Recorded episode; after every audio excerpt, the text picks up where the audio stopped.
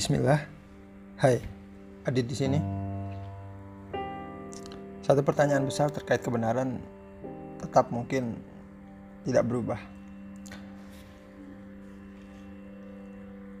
Dari dulu sampai sekarang pun problematikanya tetap sama. Sebenarnya apakah ada kebenaran absolut atau tidak? Karena pada akhirnya hampir semua atau mungkin bisa disebut semua konflik antar manusia itu hanya karena perbedaan konsep kebenaran yang dipegangnya. Dan pencarian atas kebenaran absolut ini, kebenaran mutlak, menjadi kunci. Karena jika itu memang ada, kenapa kita harus berkonflik? Kenapa manusia itu harus berdebat? Dan seterusnya. Dan kalaupun ada, kenapa ada yang tidak? Meyakininya dan atau kenapa itu tidak bisa ditemukan dan seterusnya. Tapi sebelum mungkin kita uh, ke sana karena itu untuk mendefinisikan kebenaran absolut bukanlah suatu hal yang mudah. Dan kemarin juga kita udah membicarakan tentang bagaimana kebenaran sendiri bisa dilihat dari berbagai perspektif yang berbeda. Tapi mungkin mungkin sekarang kita coba agak lebih dalam lagi, lebih fundamental lagi melihat sebenarnya bagaimana sesuatu itu bisa disebut benar dan sebenarnya benar itu uh, uh, suatu hal yang bisa diapakan gitu. Jadi uh, ya ibarat kita untuk memahami air itu apa sifat-sifatnya uh, ya kita harus mengetahui air itu sendiri apa yang tidak. Walaupun kita bisa melakukannya secara sebaliknya. Oke, okay. ya, paling hal yang bisa kalau kita pikirkan kembali hal yang bisa kita pastikan adalah bahwa benar suatu hal itu benar itu hanya bisa disematkan pada suatu pernyataan. Bahkan secara spesifik benar atau salah itu merupakan atribut untuk pernyataan, bukan hal lain, hanya untuk pernyataan. Kita nggak bisa mengatakan kursi itu benar. Kita juga nggak bisa mengatakan langit itu benar. Kita tidak bisa mengatakan besok itu benar. Itu semua bukan bukan atribut, bukan sifat-sifat yang bisa disematkan dengan uh, kata benar tidak akan menjadi bermakna kalimat-kalimat seperti itu. Kita hanya bisa mengatakan suatu hal itu benar ketika itu dikaitkan atau disematkan pada suatu kalimat atau suatu pernyataan. Besok hujan gitu misalnya. Atau dia telah membunuh A. Satu tambah satu sama dengan dua itu semua pernyataan dan kita bisa sematkan suatu uh, status kebenaran di sana. Kalaupun kadang-kadang sekarang uh, kata benar itu juga sering disematkan pada orang, itu pun sebenarnya bukan sepenuhnya pada orangnya, tapi pada apa yang diucapkannya kan. Walaupun akhirnya sering kali kita akhirnya mengeneralisasi ya, meng mengaitkan, mengidentifikasi kebenaran dengan orang. Padahal sebenarnya yang kita kaitkan itu adalah ke apa yang dia ucapkan. Oh, dia benar gitu. Dia benar itu maksudnya berarti kan apa yang dia ucapkan itu benar dan itu pun tidak semua yang dia ucapkan uh, ada konteksnya pasti. Jadi kebenaran itu hanya untuk pada suatu pernyataan. Jadi pada akhirnya ketika kita melihat uh, kebenaran, ya kita harus menghilangkan dulu aspek-aspek yang uh, di luar itu kan. Berarti kita itu tidak akan terkait sama orang harusnya. Tidak akan terkait dengan benda-benda, tidak akan terkait dengan kejadian itu pure pernyataan. Nah, tapi bagaimana pernyataan itu sendiri bisa disebut benar? Pernyataan itu sendiri itu pun bukankah hanyalah uh, well objek bahasa? Ya bah bahkan sebenarnya juga uh, untuk bisa disematkan suatu uh, status benar salah pernyataan itu harus benar-benar ya yang bisa disebut pernyataan kan suatu itu harus suatu kalimat itu harus secara jelas paling tidak secara sintaks dan semantik. Dia harus punya makna harus bisa mendeskripsikan sesuatu. Kalau misalnya ada suatu kalimat Juni cicak makan gitu Nah itu maknanya apa gitu? Atau saya ngomong asal bla bla bla bla gitu. Dia tidak uh, dalam bahasa apa pun, paling tidak dalam suatu konteks bahasa tertentu itu tidak punya makna. Uh, kita uh, itu tidak mendeskripsikan sesuatu bahkan karena itu juga tidak tidak tidak patuh tidak mengikuti suatu struktur gramatikal yang berlaku pada bahasa tersebut. Jadi pada akhirnya memang uh, kita nggak bisa lepas dari bahasa di sini.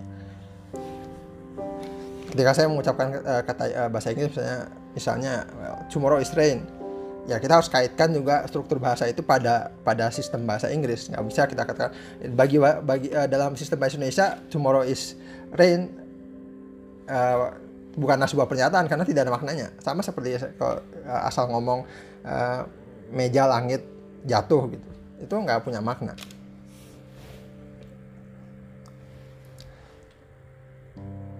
Ta kemudian selain uh, harus jelas secara sintak dan semantik.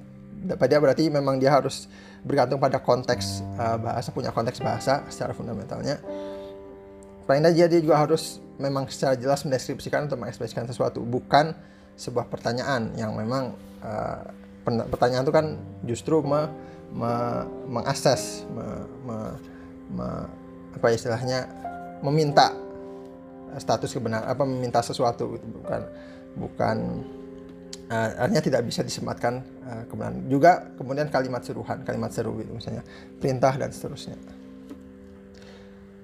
Well, berarti harus spesifik pada suatu pernyataan yang secara jelas dalam suatu konteks bahasa.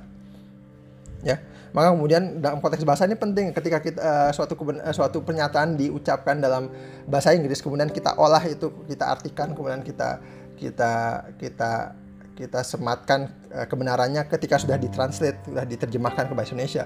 Itu pun kita harus pastikan terjemahannya memang benar-benar sesuai, tidak sedikit pun mengalami distorsi makna dengan uh, apa kalimat aslinya. Dan itu pentingnya terjemahan ya. Karena terjemahan itu sendiri pun bisa translasi bahasa itu kan sangat, sangat bisa sangat bergantung konteks, apalagi kayak bahasa-bahasa kayak Mandarin atau Arab yang well uh, tidak sederhana cuma sekedar perkata diartikan itu karena satu kata bisa punya banyak makna yang kemudian bisa di uh, bisa memberi konteks yang berbeda di, bila dipasangkan dengan kata yang berbeda. Nah itu pun harus hati-hati, makanya uh, konteks dalam dalam bahas kebenaran pun kita nggak bisa lepas dari hal-hal seperti ini. Kita harus uh, jamin, kecuali memang dari awal pernyataan itu memang sudah berbahasa uh, ketika itu dianalisis gitu, ketika itu di ketika itu di disematkan dengan benar salah. Nah kemudian bagaimana kalau memang pernyataan itu uh, pure uh, masalah gramatikal artinya ya bukan uh, artinya suatu hal yang hanya bisa disematkan pada pada pada pernyataan. Tapi bagaimana sendiri pernyataan itu bisa disebut benar?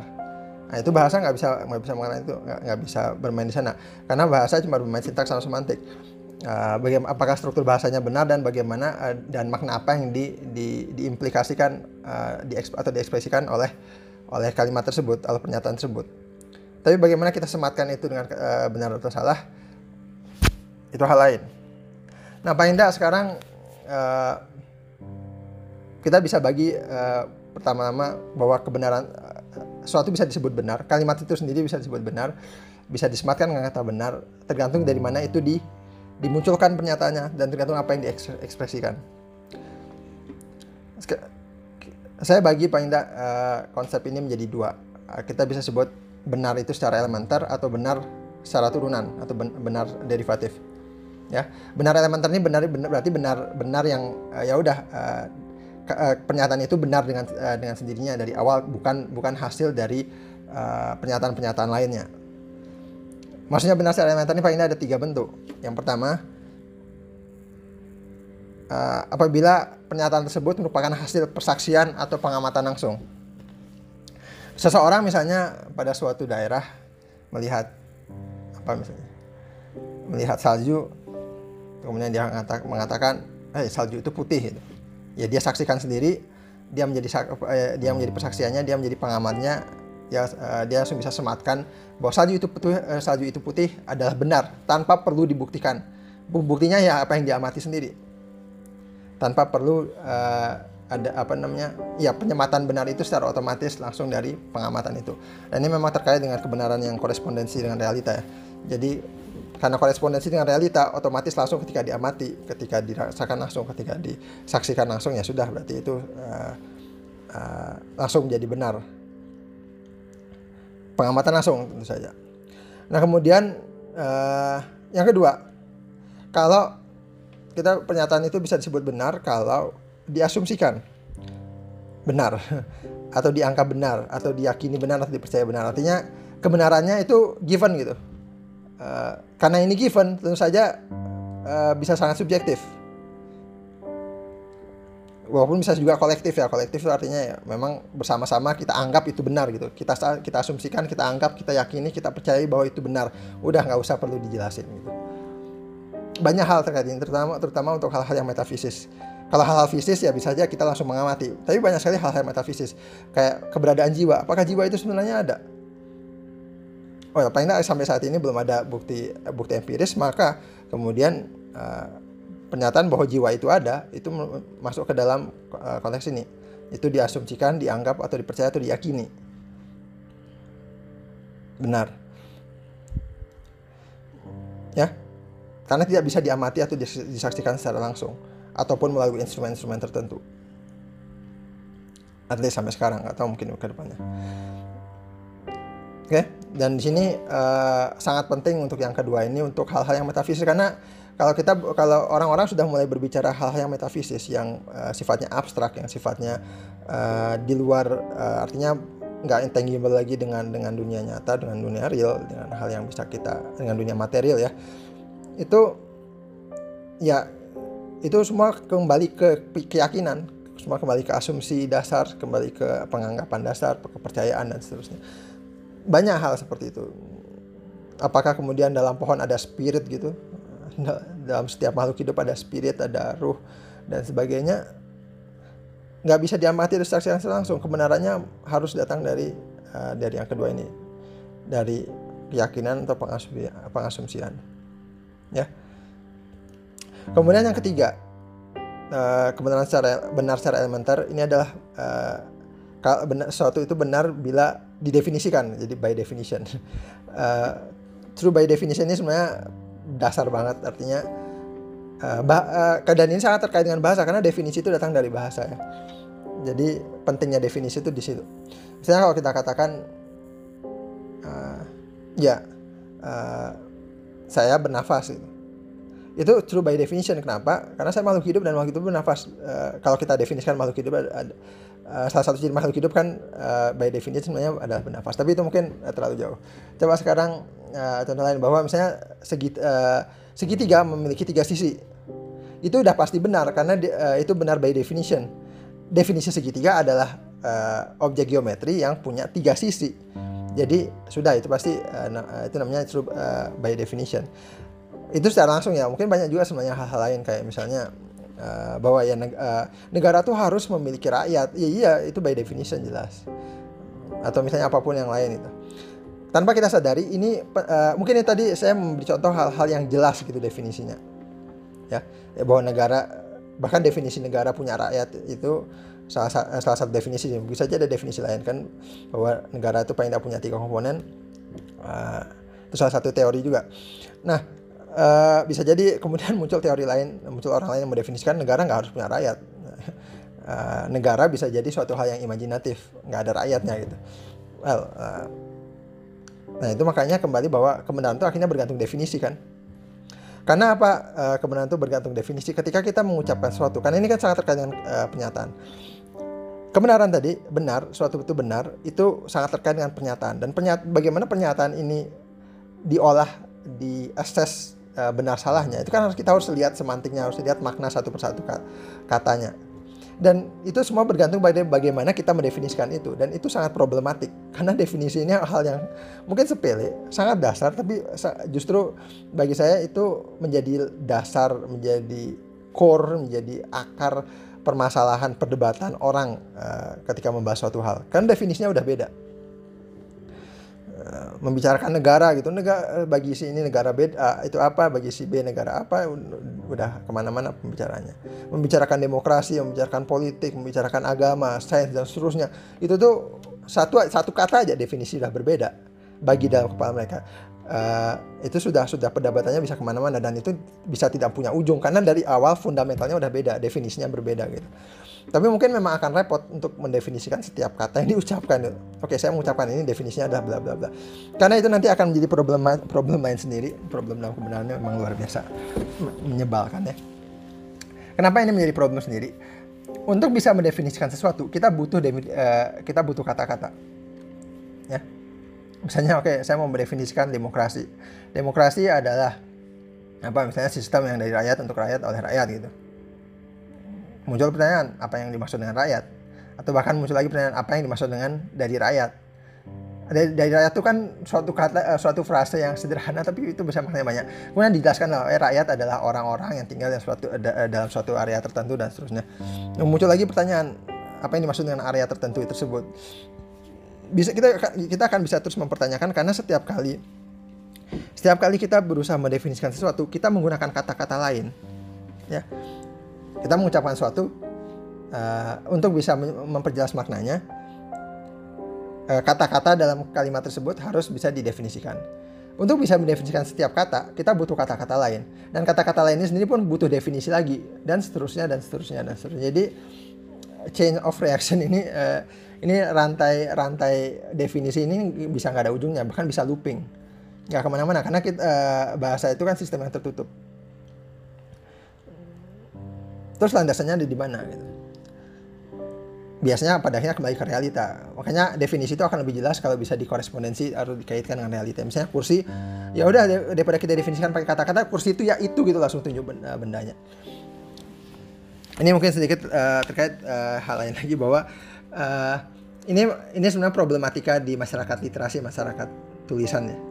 Uh, kita tuh berpikir terlalu rigid dalam hal berbahasa. Karena orang-orang di masyarakat lisan dulu ini ada suatu penelitian uh, orang-orang di masyarakat lisan dulu masyarakat lisan itu masyarakat yang belum mengenal aksara gitu.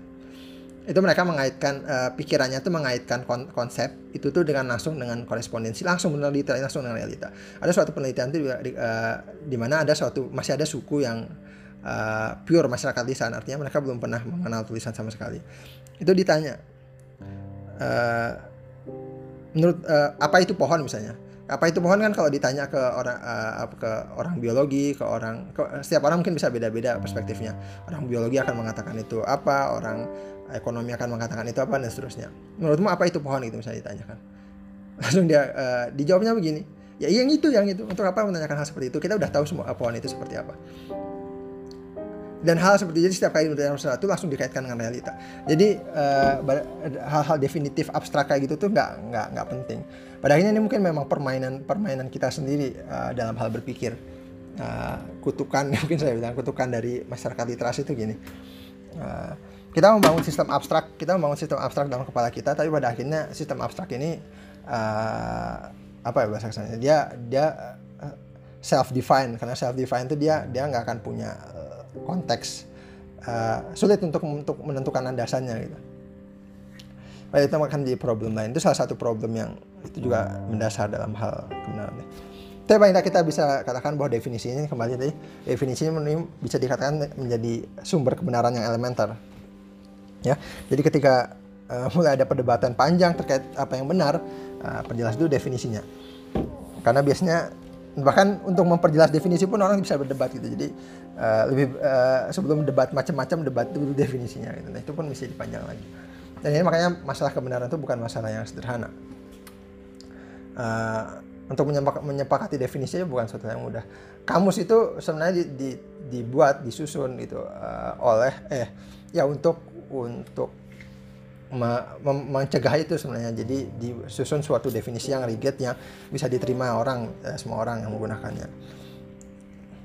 Tapi kadang-kadang uh, banyak orang yang nggak nggak nggak ke kamus gitu maksudnya uh, banyak hal apalagi hal, hal yang abstrak gitu. Ya akan punya perspektif sendiri terkait hal tersebut. Apalagi hal-hal yang sangat terkait dengan hal, -hal subjektif. Oke itu kebenaran elementer. Jadi ada tiga uh, tapi tentu saja kalau kalau kita cuma men, uh, mendasarkan pikiran kita hanya pada kebenaran-kebenaran elementer ini ya tentu saja itu tidak akan mencakup apa pun. Kita uh, bagaimana kita tahu uh, gravitasi itu ada coba? Itu gravitasi kan nggak bisa diamati. Kita cuma bisa mengamati implikasinya karena ada gravitasi apel jatuh gitu. Tapi bagaimana uh, bahwa gravitasi itu ada itu kan bukan bukan kebenaran yang uh, elementer, bukan yang diamati, di, bukan pengamatan langsung. Uh, itu bu, uh, ada proses sendiri. Nah ini makanya uh, ada namanya kebenaran kebenaran turunan. Kebenaran turunan ini adalah kebenaran atau kebenaran derivat ya bisa disebut kebenaran turunan itu berarti kebenaran yang diturunkan dari kebenaran elementer atau kebenaran lainnya artinya dia turunan uh, disusun oleh kebenaran-kebenaran lainnya ya. Uh, kita nggak nggak nggak bisa mengetahui banyak hal hanya dengan mengamati sendiri gitu kan. Uh, ya dari mana kita tahu adanya listrik dari mana kita tahu adanya elektron dari mana kita tahu bahwa uh, apalah misalnya negara itu ada gitu negara nggak bisa diamati. Uh, bagaimana kita tahu bahwa well, kalau untuk masalah negara mungkin negara itu juga didefinisikan ya. Negara itu adalah imajinasi rakyatnya karena uh, kalau kalau bahasa lainnya negara itu kan sebuah sebuah mitos. Nah, sebuah mitos yang disusun dibangun uh, di atas suatu masyarakat sehingga masyarakat itu akan memat uh, kenapa mitos? Karena memang anu karena memang nggak ada kan. Uh, tidak bisa dipegang tidak bisa diapapun. Oke okay, uh, maaf maaf jadi bahas negara. Tapi pak Indah kalau kita cuma uh, tadi uh, banyak hal yang perlu kita turunkan. Ketika kita mengamati sesuatu ya kita dari kecil uh, hanya mengandalkan indera kita memang kalau kita melihat sesuatu kita mendengar sesuatu tapi kemudian kita perlu proses itu untuk mendapatkan kebenaran-kebenaran baru yang lebih lebih kompleks, yang lebih abstrak. Ya. Uh, ya kita melihat ada sosok oh itu kucing gitu. Uh, warnanya oranye. Kemudian ya uh, nggak mungkin kan kita kemudian kita langsung kaitan bahwa kucing yang itu yang aja yang oranye. Karena ada banyak kucing lain yang tidak oranye yang uh, yang bisa disebut kucing. Itu harus di generalisir. Nah, ini proses-proses uh, seperti ini yang menghasilkan namanya kebenaran turunan. Nah, kebenaran turunannya apa, eh, apa saja bentuknya? Ya, paling tidak saya sejauh yang saya pikirkan cuma ada dua. Uh, pertama, suatu itu bisa disebut benar kalau disimpulkan dari pernyataan lain yang sudah dianggap benar, sudah di, sudah di, sudah benar gitu. Ya, disimpulkan. Ya, penyimpulannya uh, sebenarnya seperti apa? Ya ini uh, penyimpulannya sebenarnya uh, apa yang kita kenal sebenarnya dari uh, dengan reasoning. Reasoning itu ber, reasoning itu kalau di Indonesia kan beralasan ya jadi agak aneh reasoning itu kan sebenarnya menyimpulkan sesuatu uh, membangun mem, mem, menciptakan penjelasan gitu berlogika nggak meskipun nggak harus pakai logika ya tapi tidak kita berusaha uh, mendapatkan pernyataan baru berusaha menjustifikasi pernyataan baru dengan pernyataan-pernyataan lain yang sudah uh, dipastikan benar. Ya menyimpulkan jadi. Nah men, uh, proses menyimpulkan ini well ini secara secara dasarnya dibilang ada dua sih ada dua walaupun kadang ada yang bilang juga ada tiga. Kita sekarang dua dulu aja dua dua bentuk. Yang pertama induksi sama deduksi. Induksi itu adalah me, uh, me, mengeneralisir lah me, me, mengeneralisasi me, memperumum hal-hal spesifik menjadi suatu uh, suatu pernyataan yang lebih umum yang lebih general yang lebih uh, mencakup semuanya. Ya tapi uh, seperti tadi kalau misalnya kita lihat ada makhluk oh itu kucing ada makhluk lainnya datang uh, yang satu orang yang satu yang ini yang hitam hitam ya kita sebut itu kucing. Kemudian datang lagi uh, makhluk lain gitu. Mirip tapi warnanya beda kita sebut itu kucing. Oh ternyata warna nggak penting. Uh, kemudian akhirnya kan gitu cara kita, anak uh, anak kecil belajar ya. Cara otak kita belajar dari awal. Oh ternyata warna nggak penting. Ya kemudian berusaha mencirikan. Berarti uh, lah dari pengamatan pengamatan uh, kecil itu. Oh ini kucing ini kucing ini kucing ini kucing. Oh ternyata kucing itu adalah yang berkaki empat yang berbulu mamalia uh, punya kuping dan seterusnya lah. Uh, kita bisa mendeskripsikan itu jadi itu adalah kebenaran turunan uh, yang diinduksi ya diinduksi dan induksi ini sebenarnya menjadi uh, backbone atau tulang punggung dari uh, sains. Meskipun nanti ini hanya masalah juga. Jadi setiap kali kita bahas kebenaran, saya bisa pastikan kita akan menemui masalah. Uh, uh, jadi kebenaran itu bukan hal sederhana. Ada nanti uh, mungkin saya tidak akan bahas di season ini. Uh, itu harus season khusus untuk sains. Bahwa sebenarnya sains sendiri ada banyak problem da dalam hal fundamentalnya namanya uh, problem yang paling utama itu problem of induction. Jadi induksi sendiri itu pun banyak masalah. Ya kayak uh, misalnya ya nanti aja lah kita bahas. Nggak usah perlu sekarang. Tapi yang jelas uh, ketika uh, sains itu berkembang itu dari sini dari dengan cara seperti ini. Mengamati mengamati mengamati kemudian mempropos suatu teori yang lebih general yang kemudian bisa uh, mencakup semua itu.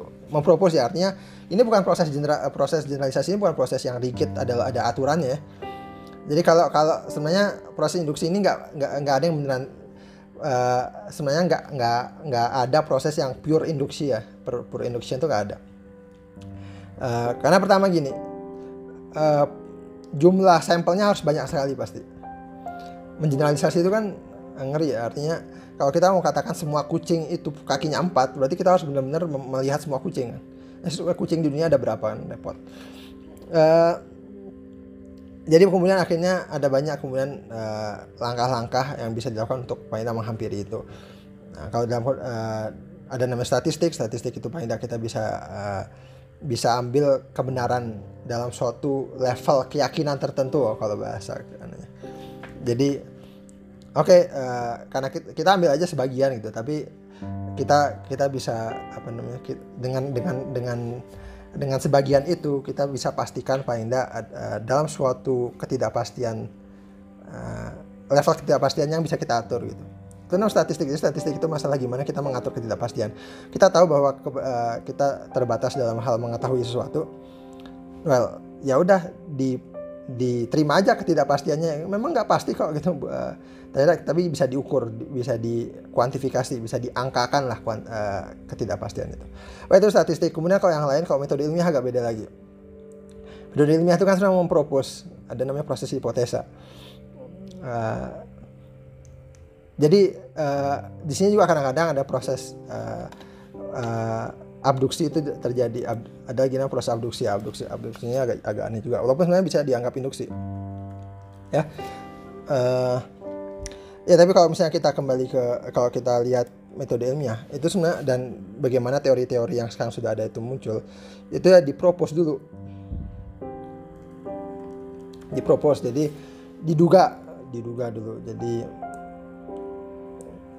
misalnya uh, Newt, uh, ya Newton ngelihat apel jatuh. Udah kita Newton nggak perlu ngelihat semua apel jatuh nggak perlu ngelihat semua benda jatuh. Dan dia juga selama ini hidup juga ngelihat benda pasti jatuh.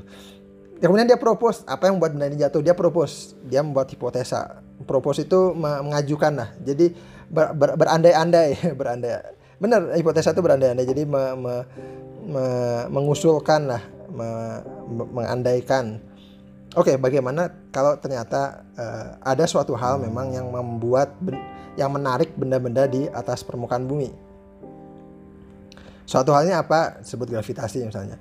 Kemudian dari hipotesa inilah kemudian di, dibuat suatu sistematis, suatu sistem, suatu skema yang sistematis untuk uh, memperkuat hipotesa tersebut untuk membuktikan uh, menguji hipotesa tersebut. Ya. Oke, okay, kalau kalau kalau hipotesa saya benar, maka kalau dilakukan ini harusnya sesuai dengan prediksi gitu. Itu metode ilmiah. Ya.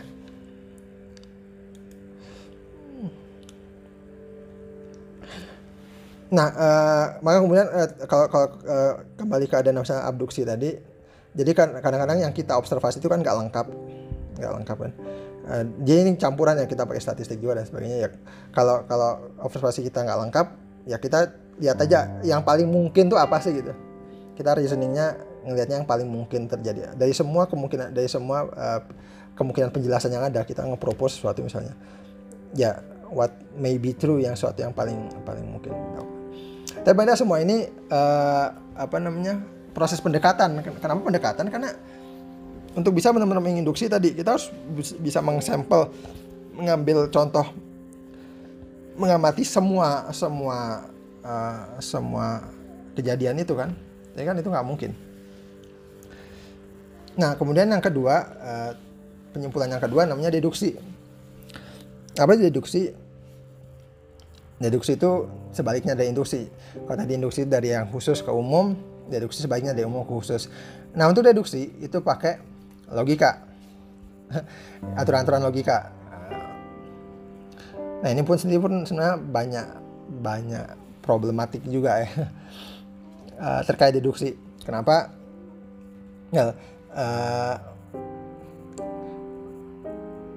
nanti mungkin kita akan bahas di episode khusus setelah dipikir-pikir tapi jelas deduksi ini uh, kalau kita misalnya punya pernyataan uh, yang umum misalnya semua manusia dan pernyataan umum ini biasanya datang dari datang dari itu datang dari definisi sama uh, keyakinan. Ingat kalau tadi induksi, induksi itu datang dari penyaksian langsung. Kan tadi ingat uh, kebenaran elementer itu ada tiga, penyaksian langsung, uh, asumsi atau keyakinan, dan definisi. Yang uh, penyaksian ini kan khusus, jadi kebenaran khusus. Makanya kemudian ini menjadi menjadi bahan bakunya uh, penyimpulan induksi, kebenaran induktif. Kemudian kalau yang dua berikutnya pengasumsian atau keyakinan dan definisi itu merupakan uh, bahan bakunya de, uh, proses deduksi.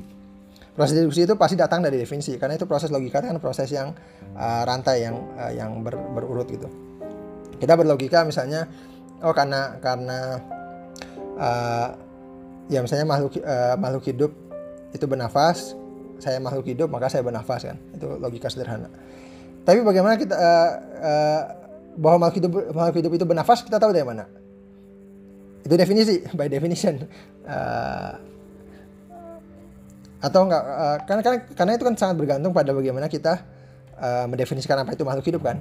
Uh, kalau uh, walaupun nanti kalaupun akhirnya nanti didefinisikan lain bahwa makhluk hidup itu tidak harus bernafas, nah, mungkin uh, lain lagi nanti. Terus kalau bahwa saya itu makhluk hidup itu juga by definition. Kita harus uh, dikaitkan ciri-ciri yang ada pada saya dengan ciri-ciri makhluk hidup. Ternyata saya cocok. Saya adalah makhluk hidup. Maka bisa disimpulkan saya itu uh, bernafas. Walaupun saya bernafas itu bisa di uh, bisa diinduktifkan langsung aja. Ngelihat aja saya bernafas ya udah selesai. Jadi kebenaran ini kadang-kadang memang memang uh, harus dilihat aja sumbernya dari mana gitu. Ya. Oke, terakhir dari kebenaran turunan, ini masih banyak kebenaran turunan itu selain penyimpulan ini uh, ini krusial ya karena gini kalau teman uh, teman-teman semua mereview atau meninjau kembali apa yang teman-teman semua sudah ketahui sampai sekarang ini. Saya yakin sebagian besar itu bukan dipikirin sendiri bukan disimpulin sendiri. Dan sebagian besar juga bukan diamati sendiri. Tadilah uh, misalnya contoh kayak kayak eksistensi elektron, listrik, magnet, uh, kemudian adanya cahaya dan seterusnya. Itu secara fisik, uh, secara fisika dan mungkin hal lain, misalnya kemerdekaan Indonesia tahun 17 eh, 1945. Kemudian uh, bahwa uh, bumi itu bulat, bahwa ada bulan mengelilingi bumi, bumi mengelilingi matahari dan sebagainya. Kan teman-teman nggak nggak nggak kawan-kawan semua itu tidak tidak mengamati itu secara langsung. Mungkin ada yang pernah melakukan eksperimen, tapi tidak semua melakukan itu. Dan bayangin kalau semua pengetahuan itu harus dilakukan ulang eksperimennya, harus di harus diamati ulang. Jadi kebenaran itu numpuk kan, uh, numpuk tuh maksudnya uh, kita kita tuh mengetahui langsung dari apa dari uh, pengetahuannya sudah di, dari pengamatan orang lain, dari penyim, penyimpulan orang lain. Kita nggak nggak mikirin sendiri. Nah inilah mas uh, dat, uh, uh, makanya muncul turunan eh kebenaran turunan yang kedua yakni bahwa uh, suatu itu disebut benar jika uh, diterima dari orang lain yang mengatakan itu benar. Dan ini ini consist of 90% lebih mungkin kata ya angkanya nggak jelas. Ini yes, mostly uh, pengetahuan kita itu datang dari sini. Apa pun itu uh, ilmu fisika, kimia, masalah mat, uh, uh, perhitungan matematis, uh, sejarah dan seterusnya itu semua kita ketahui dari guru-guru kita atau dari orang tua kita atau dari orang uh, dari sumber lain lah. Yang jelas kita kita uh, terima dari orang lain yang mengatakan itu benar. Jadi ini penting karena ya, ya uh, sang uh, karena bagaimana uh, orang mana yang kita kita terima sebagai kebenaran itu jadi jadi jadi hal utama juga dan ini sangat penting. Ada dua orang mengatakan hal yang berbeda. Yang mana kita terima sebagai kebenaran itu akan menentukan kebenaran kita. Betapa betapa sangat bergantung itu pada orang kan. Nah ini yang sering dilupakan. Sering dilupakan itu adalah bahwa uh, kalau dalam Islam disebutnya kabar kabar sodik ya kebenaran apa kabar yang benar. Karena kabar yang benar ini menjadi salah satu sumber kebenaran yang krusial dalam Islam. Cuma yang jelas uh, kalau teman-teman pikirin lagi semua pengetahuan yang teman-teman ketahui uh, baik dari sisi apa pun itu sebagian besar itu teman-teman ketahui dari orang lain ya. Dari orang lainnya seperti apa kita udah anggap itu benar gitu.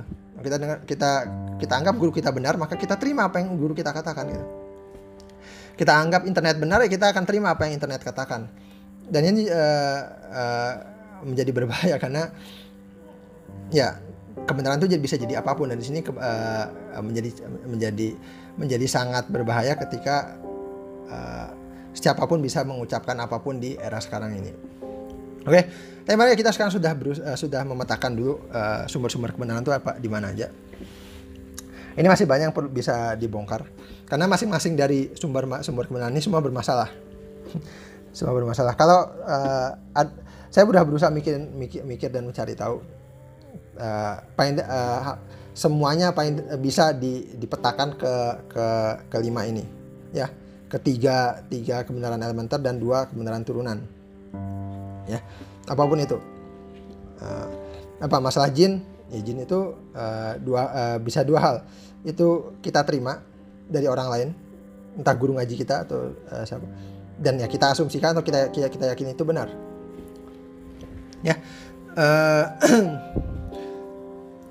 jadi mungkin itu dulu untuk kita akan lanjutkan di episode berikutnya untuk uh, secara lebih dalam karena uh, sebenarnya nanti pun uh, ya. Ketika kita mendefini uh, kita kita berharap dari dari dari lima ini uh, kemudian salah satu di antaranya menjadi uh, dari dari lima ini akan ada kebenaran absolut. Maka paling tidak kita harus melihat satu persatu uh, pastikan bahwa masing-masing memang nggak ada masalah. Karena ini mungkin sedikit aja. Bahwa misalnya dalam hal menyaksikan secara langsung aja itu bisa bermasalah ketika uh, orang itu bisa bahasa kasar eh, bahasa kasar itu uh, menyaksikan hal yang tidak bisa disaksikan orang lain. Ya karena penyaksian ini akan hanya akan diterima orang lain ketika itu juga bisa disaksikan oleh orang lain. Ini jadi suatu masalah juga. Ya tiba-tiba ada seorang melihat hantu gitu orang lain nggak bisa lihat terus bagaimana uh, uh, walaupun dia sendiri menyaksikan kita nggak bisa anggap itu benar. Kebenaran itu hanya akan ada pada dia dan ini akhirnya jadi kebenaran relatif. Dan ini uh, dan ini uh, menyulitkan karena kita berharap adanya kebenaran absolut. Dan uh, di mana kita tahu kebenaran absolut? Dan itu mungkin akan kita bahas di episode-episode berikutnya. Perjalanan kita untuk mencari kebenaran masih panjang jadi uh, stay tune. Uh, sekian aja untuk sekarang ini. Sampai ketemu di episode berikutnya. Tara.